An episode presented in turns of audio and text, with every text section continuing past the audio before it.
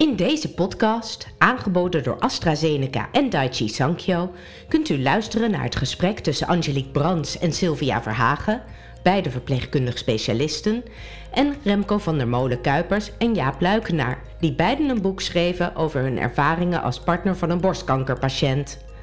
Aan bod komen de aanleiding waarom zij ieder een boek hebben geschreven, wat zij hopen te bereiken, tips voor zorgverleners en voor patiënten en hun partners. Goedemiddag, welkom. Welkom bij de podcast die gaat over de partner van. Welkom Remco, welkom Jaap en collega Angelique Brands. We hebben het over de partner van en wij zijn heel benieuwd wat eigenlijk de aanleiding is om jullie ervaringsverhaal op te schrijven. Heb je dat voor jezelf gedaan of is het een handvat voor andere partners? Remco, zou je ons mee willen nemen? Uh, jazeker. Um, ik heb het niet voor mezelf gedaan, want dat verhaal dat kende ik in mijn hoofd wel, wat ik wilde schrijven. Uh, het, het, het, het, het warrelde eigenlijk al een hele tijd door mijn hoofd om daar iets mee te doen. Uh, van huis uit kan ik wel schrijven, dat is het probleem niet. Maar ik wilde een boodschap over kunnen brengen. Wat, wat heeft het nou met mij gedaan? En als je het boek leest, dan zie je dat het mij uh, heel veel gedaan heeft. Uh, daar, daar, emotioneel gezien uh, is daar nogal wat gebeurd. En mijn uitgangspunt is om, om dat met anderen te delen. En dan met name om erop te wijzen dat dat eigenlijk niet zo gek is wat daar gebeurt. Natuurlijk, het, het, de heftigheid is wel bijzonder. Mm -hmm. Maar de emotie die erachter zit, die is herkenbaar. En het aardige is van, uh, nu, ik, nu ik beide boeken uh, gelezen heb, is dat, dat, je die, dat je dat ook weer terugziet in die beide boeken. Alleen de emotie is precies de andere kant op gegaan. En dat wilde ik vanuit mijn perspectief delen. En als we kijken naar uh, de ondertitel, het eerste hulpboek voor de partner van. En hè, er staat ook letterlijk een kantlijn op de voorkant van het boek. Ja. De betekenis daarvan? Nou, ik voelde mij heel duidelijk in de kantlijn staan. En uh, als je het boek ook verder doorbladert en leest, dan zie je ook dat uh, de, ik in de medische wereld letterlijk in de kantlijn werd gezet. Dus de eerste jaren werd ik als partner van niet eens meer gezien. En dat heeft mij nogal aan het wankelen gebracht. En uiteindelijk heeft dat tot ernstige verstoringen geleid in de relatie tussen, tussen mij en Ingemar. Ja. En kun je dat eens benoemen, voorbeelden zeg maar, wat je gemist hebt dan? Nou, heel simpel. Het, het, het, vanaf het moment dat de diagnose werd gesteld bij Ingemar borstkanker, mm. ging het alleen nog maar om haar. Het ging helemaal niet meer om mij. Dus daarvoor was ik nog wel gesprekspartner. Maar vanaf dat ogenblik was ik totaal uit beeld. En uh, dat lag, ja, dat lag ook wel aan mezelf, denk ik. Maar uh, met wat goede begeleiding denk ik dat die gesprekken anders hadden gelopen in het ziekenhuis als dat ze nu gelopen zijn. Want de ervaring leert dat toen wij in het Antonie van Leeuwenhoek ziekenhuis terechtkwamen, er een hele andere sfeer kwam, uh, waarbij ik er ineens weer toe deed. Oké. Okay. Dus ik voelde me eigenlijk letterlijk, letterlijk in de kantlijn gezet. Mm. Misschien is het goed om daar dadelijk nog even op terug te komen. Dan gaan we naar uh, Jaap. Jaap, jouw boek heet uh, Man op de Mamapolie met als ondertitel Wat als je vrouw borstkanker heeft. Kun jij ons meenemen wat voor jou de aanleiding was om dit boek uh, te schrijven? Ja, uh, anders uh, dan, uh, dan Remco in, in, ieder geval. bij mij begon het eigenlijk als een dagboekje. Wat ik, ehm, als we naar het ziekenhuis gingen, op een afspraak meenam. En waar ik krabbeltjes schreef. En aanvankelijk waren dat e-, echt krabbeltjes. Alleen in de tijd van de, van de chemo, toen werd dat echt spannend. En toen dacht ik ook van, nou moet ik echt opschrijven wat er allemaal gebeurt. Want ik vond de hele periode van de, van de chemotherapie vond ik echt wel de meest uh, indringende, uh, indringende fase van de, van de borstkanker en alles wat daarna kwam.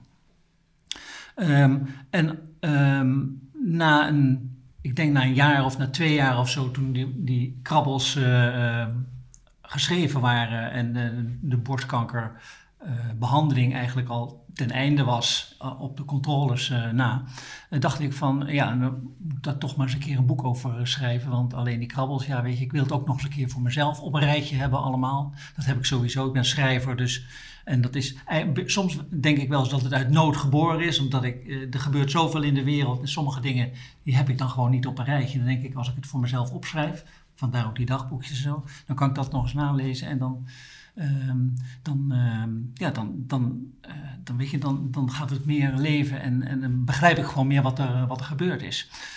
Die, um, en toen ik op een gegeven moment dacht van nou een boek, zou het nog maar een boek zijn met een oplage van één of twee of drie of vier voor een paar vrienden en voor, uh, voor Helma, voor mijn, voor mijn vrouw. Maar als schrijvende dacht ik van ja, als je nou toch bezig bent, toen kwam ineens de, de, uh, de corona-periode kwam erover, dus nog meer tijd, uh, zat nog meer tijd thuis. Dus ik dacht ook van dan gaan we ook schrijven, maar dan gaan we ja. het toch wel wat groter maken. Toen heb ik ook andere partners die zeg maar andere operaties van hun vrouw hadden meegemaakt. voor Helma was het borstsparend, en, maar ik heb ook ik dacht ook van ja, als ik nou toch voor grote publiek ga schrijven, moet ik ook wel uh, een, uh, iemand, een partner vinden uh, met een vrouw zonder borst, om het maar cru te zeggen. Hè? Of, die, of een vrouw die, die overleden is en zo, dat soort. ja, dat zijn ook de, de consequenties die bij borstkanker kunnen, kunnen voorkomen. Um, en ja, toen is op een gegeven moment dus het boek op die manier ontstaan. En dacht ik ook van ja, het is inderdaad meer dan een dan een, uh, een dagboek uh, geworden. Want het is ook gewoon met, met allemaal tips voor, voor partners. En, en inderdaad met een, ook met grappen erin gewoon. Weet je, zeg maar, ja, gemene kankergrappen of grappige kankergrappen eigenlijk. Ik heb, het, ik heb het ook met de nodige, of nodige, ik heb het met humor geschreven. Ook omdat ik vind dat je met humor um, moeilijke dingen makkelijker over het voetlicht kan, kan krijgen. Als je het een keer met een kwinkslag of met iets doet of zo, dan ja, dan uh, wordt het allemaal minder zwaar. En dan denk ik ook dat je lezers uh, minder snel afhaken en zo. Dus. En het relativeert. En het relativeert, ja. En wat ik, wat, wat ik op een gegeven moment, uh, want dat is ook op een gegeven moment ook een doel geweest van, van weet je, waarom? waarom dan die, die partner, om daar een apart boek voor te schrijven? Dat is omdat ik veel over borstkanker heb gelezen. Maar het enige wat ik las waren verhalen van, uh, van meestal dus vrouwen die borstkanker hebben gehad. Alle bekende Nederlanders die borstkanker hebben ge uh, gehad of hun, hun partner die borstkanker uh, heeft. Um, en, over de, en over de ziekte zelf natuurlijk, daar wordt ook heel veel geschreven. Hè? Gewoon in, ook in, in, niet alleen in de puur medische bladen, maar zeker ook in, in alle rolbladen en in alle bladen en op, nou noem maar alle RTL Boulevard ehm, dingen het, het, het, barst van de borstkanker, zou je bijna uh, kunnen zeggen. Alleen die partner, die, die, is, die is nergens. En ik denk ook dat het aanvankelijk aan hemzelf ligt. Want uh, hij denkt ook van, ja, weet je, ik heb niks.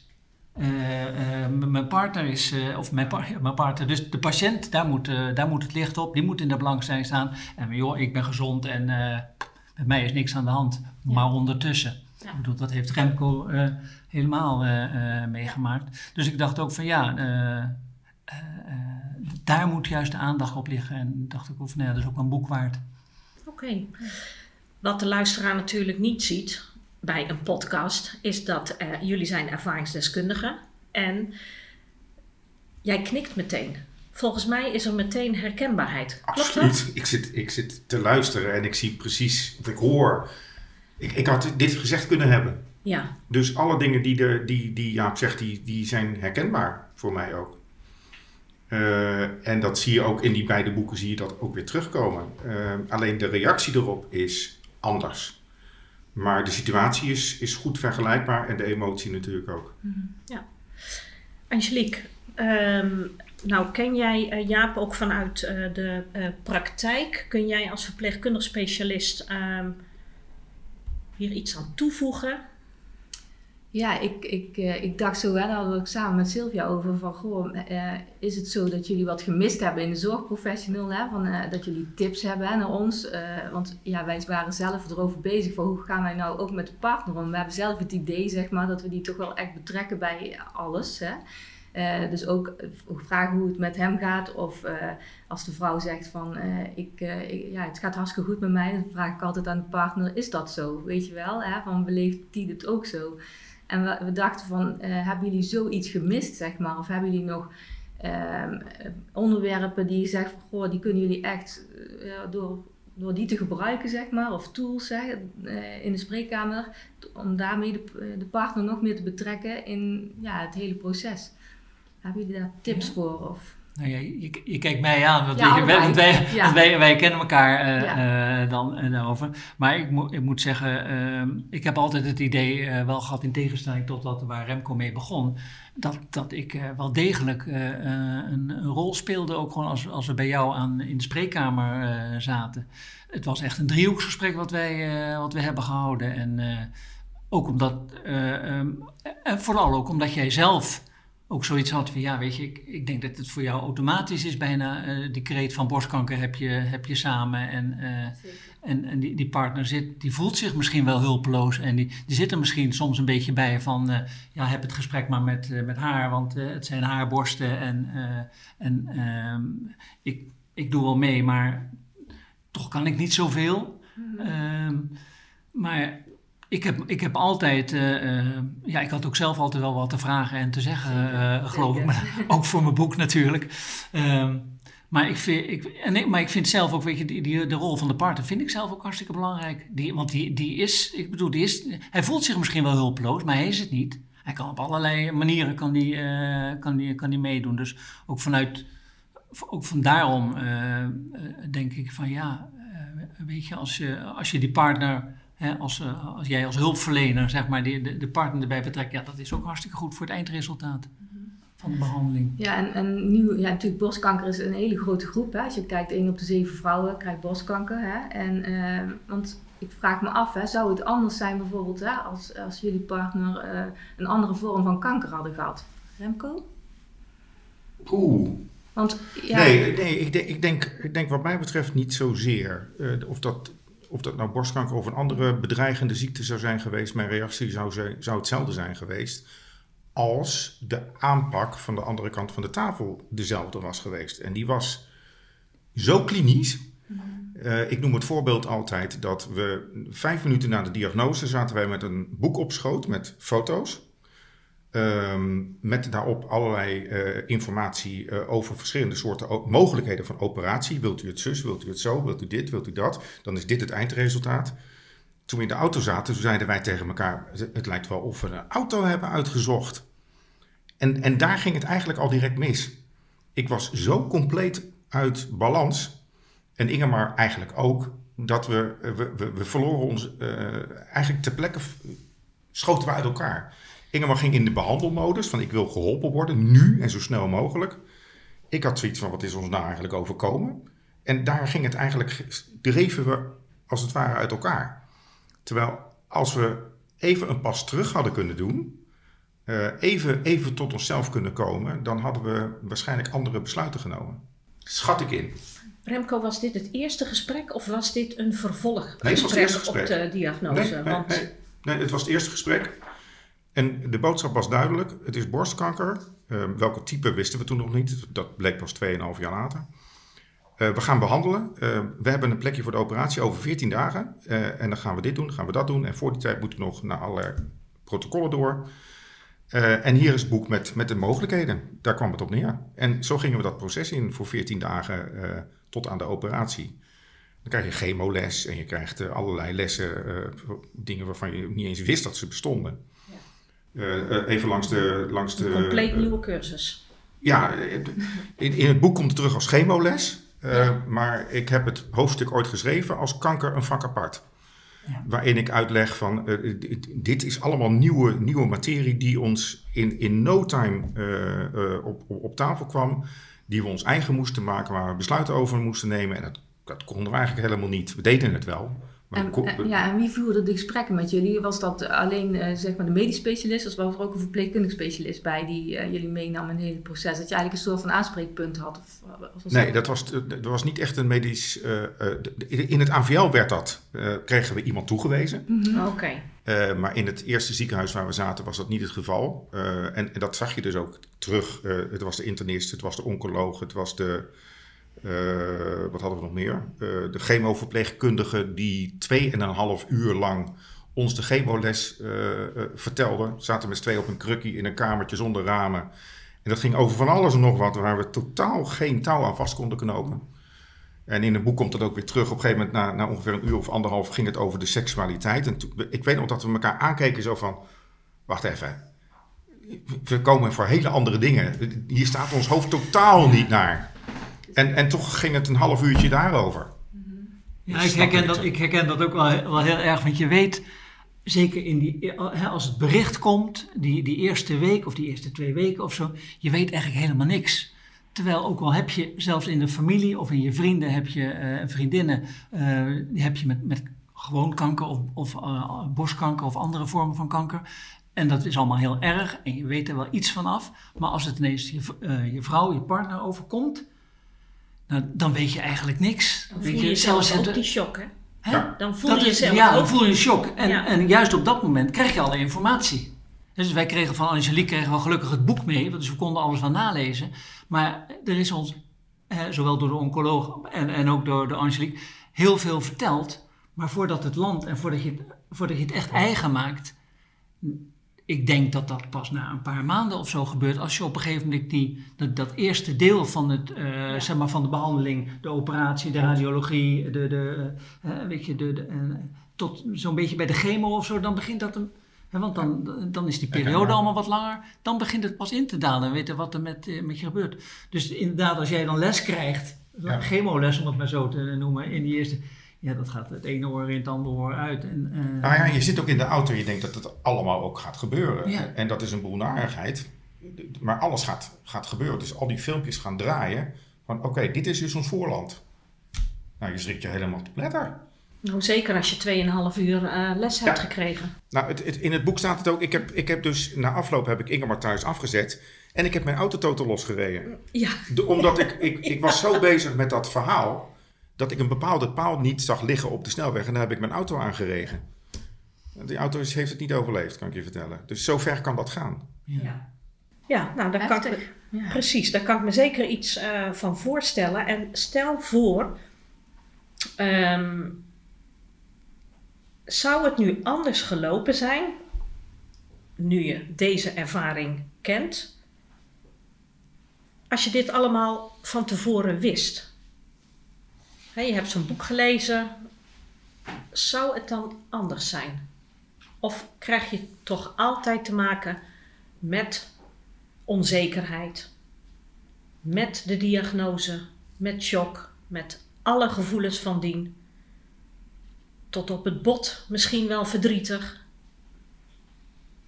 Zou je dat niet altijd meemaken, ondanks.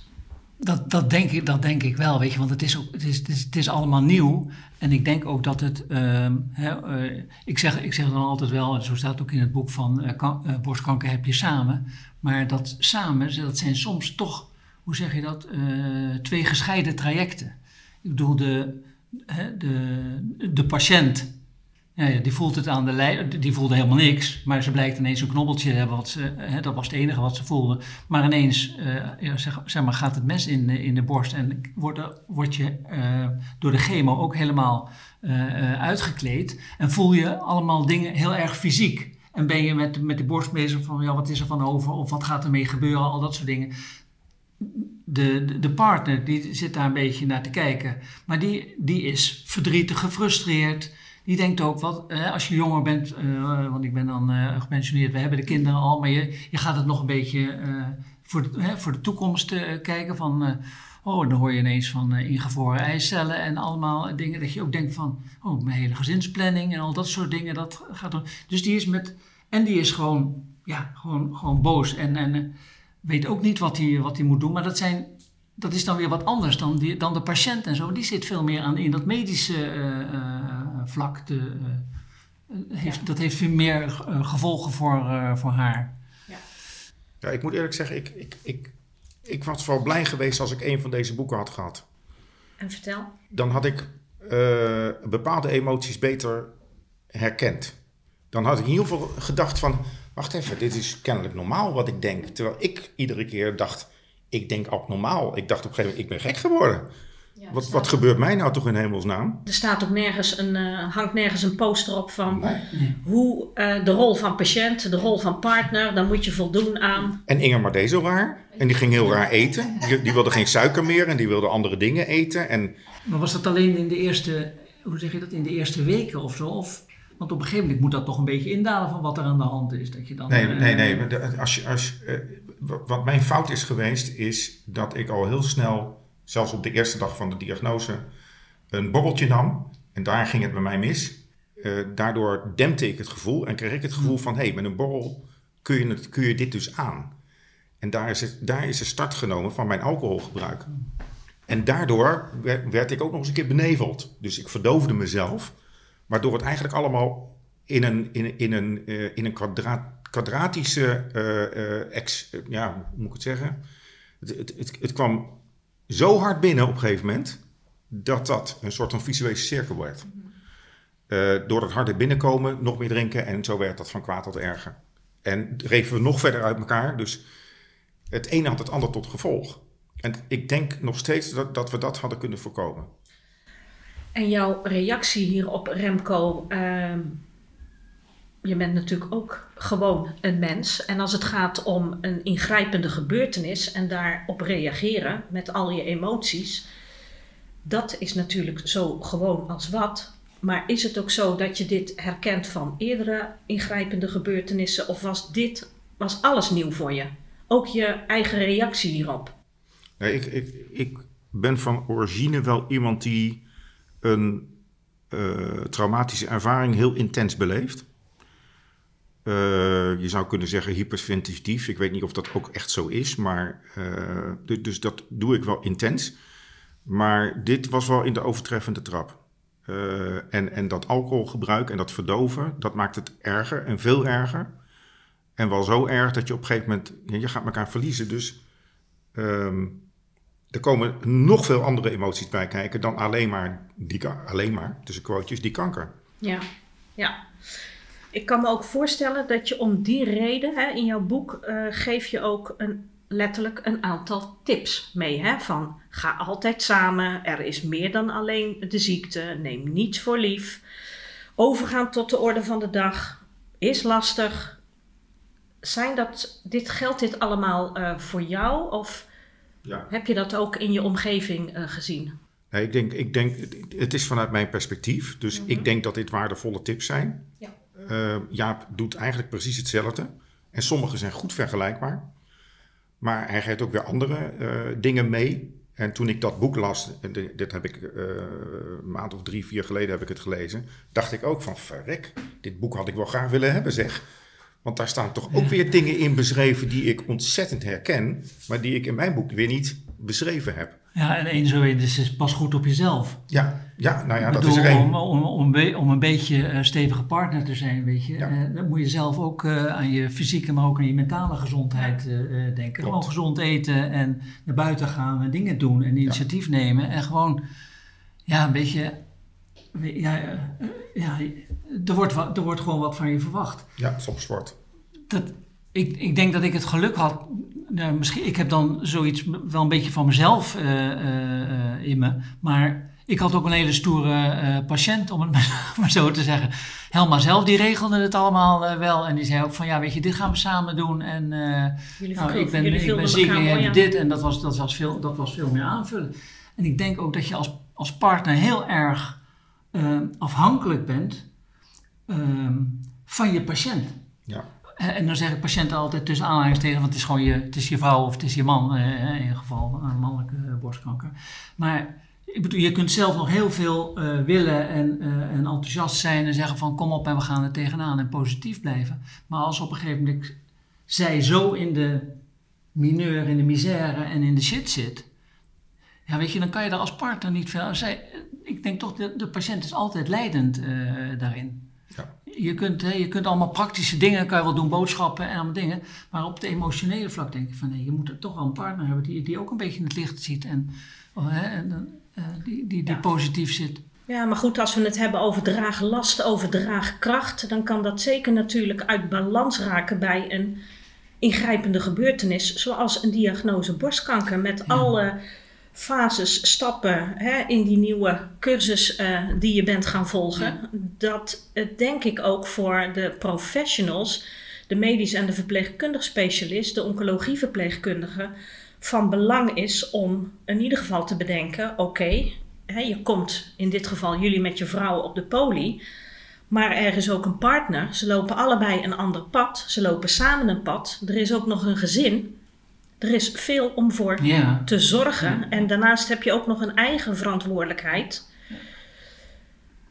Ja, ik denk Hoe ook zie juist dat, dat- Angelique? Ja, ik zat me ook af te vragen van, eh, kijk, je, je kent je partner voor de diagnose, hoe je met elkaar omgaat. En eh, ja, dan zie je ook, hoe, je weet van tevoren niet hoe je met een bepaalde situatie Nee. omgaat. Dus je ziet ook misschien iemand veranderen, eh, hoe, hoe de coping is, hè, hoe, hoe ze met bepaalde dingen omgaan. En dan zien wij natuurlijk ook in de spreekkamer. En Ja. je probeert dat zo goed mogelijk ja, eh, een beetje boven tafel te krijgen hoe dat gaat.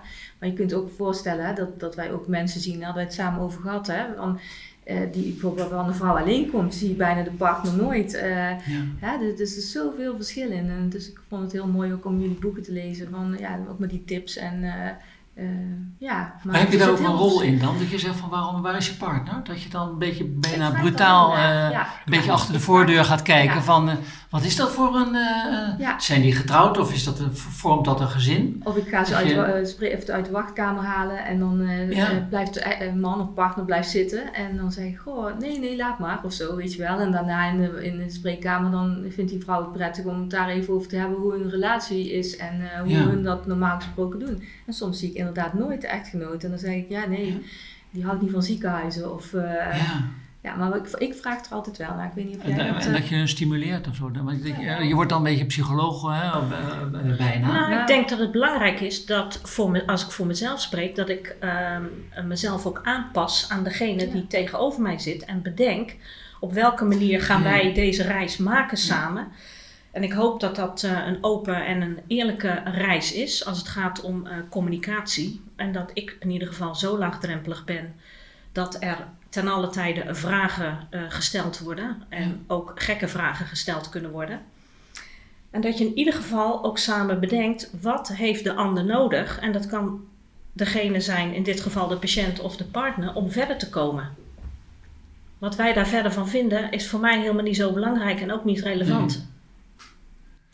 Ja, ik, ik zou. ehm, de, de, Maar de- misschien slaan wij de plank helemaal Nee, mis, nee, dus dan ja. horen we graag Nee, van jou. is, er is een schilderij van, eh, van Pablo Picasso en dat heet Scienzi Caridad.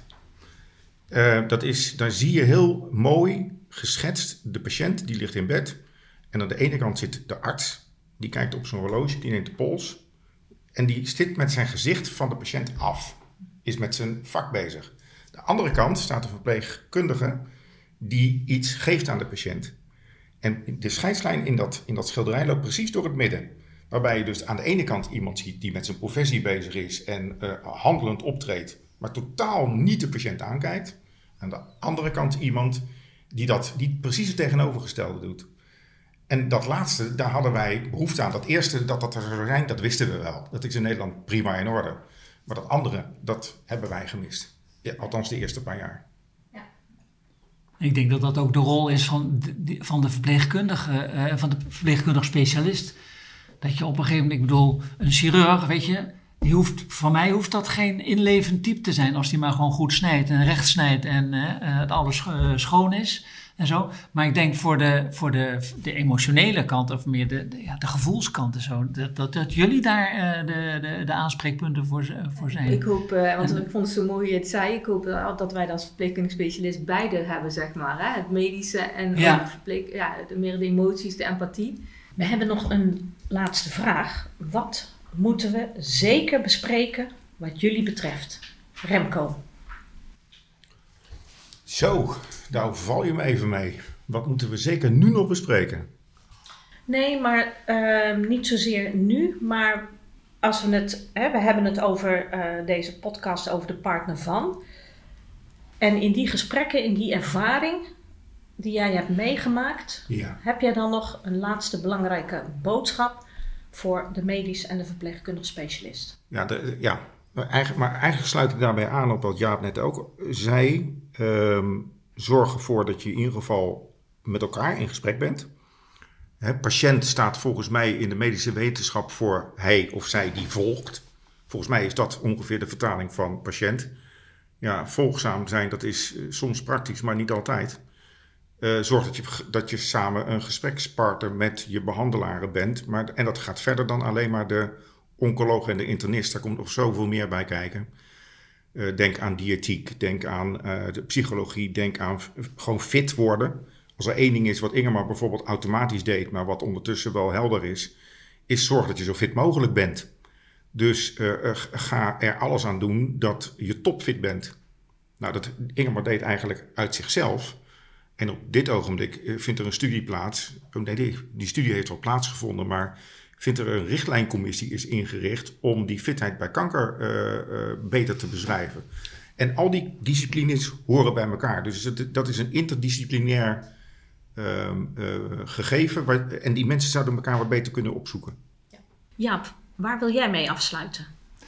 Nou, niet helemaal voor, voor de verpleegkundigen en voor alle medici die ons en andere borstkankerpatiënten helpen. Maar uh, wel voor de partners en ook voor de, uh, voor de borstkankerpatiënt zelf is het natuurlijk hartstikke belangrijk. Als alles achter de rug is en dat je denkt dat je er bent en weer helemaal de oude bent. En erachter komt dat dat dus niet zo is. En dat je misschien behoefte hebt aan support. Dat kan zeker bij de, bij de inloophuizen. En ik dacht zelf toen ook maar van nou, ik heb nou het boek geschreven. Dus nou moet ik het ook in de praktijk brengen. Dus in, in Eindhoven ben ik bij inloophuis De Eik. Uh, begonnen om, uh, uh, om, om, een gespreksclubje met partners van kankerpatiënten te doen. Heel spannend, want ja, patiënt, die, die partners die zeggen natuurlijk niet zoveel. Maar ehm, ik probeer ze toch aan het praten te krijgen, want ik vind die partner hartstikke belangrijk in het geheel. Ja, ik wil jullie heel erg bedanken, Jaap en Remco, voor dit gesprek en dat jullie ons mee hebben willen nemen in jullie belevingswereld. Bent u geïnteresseerd in meer podcasts? Deze zijn te vinden op de website oncologie.nu.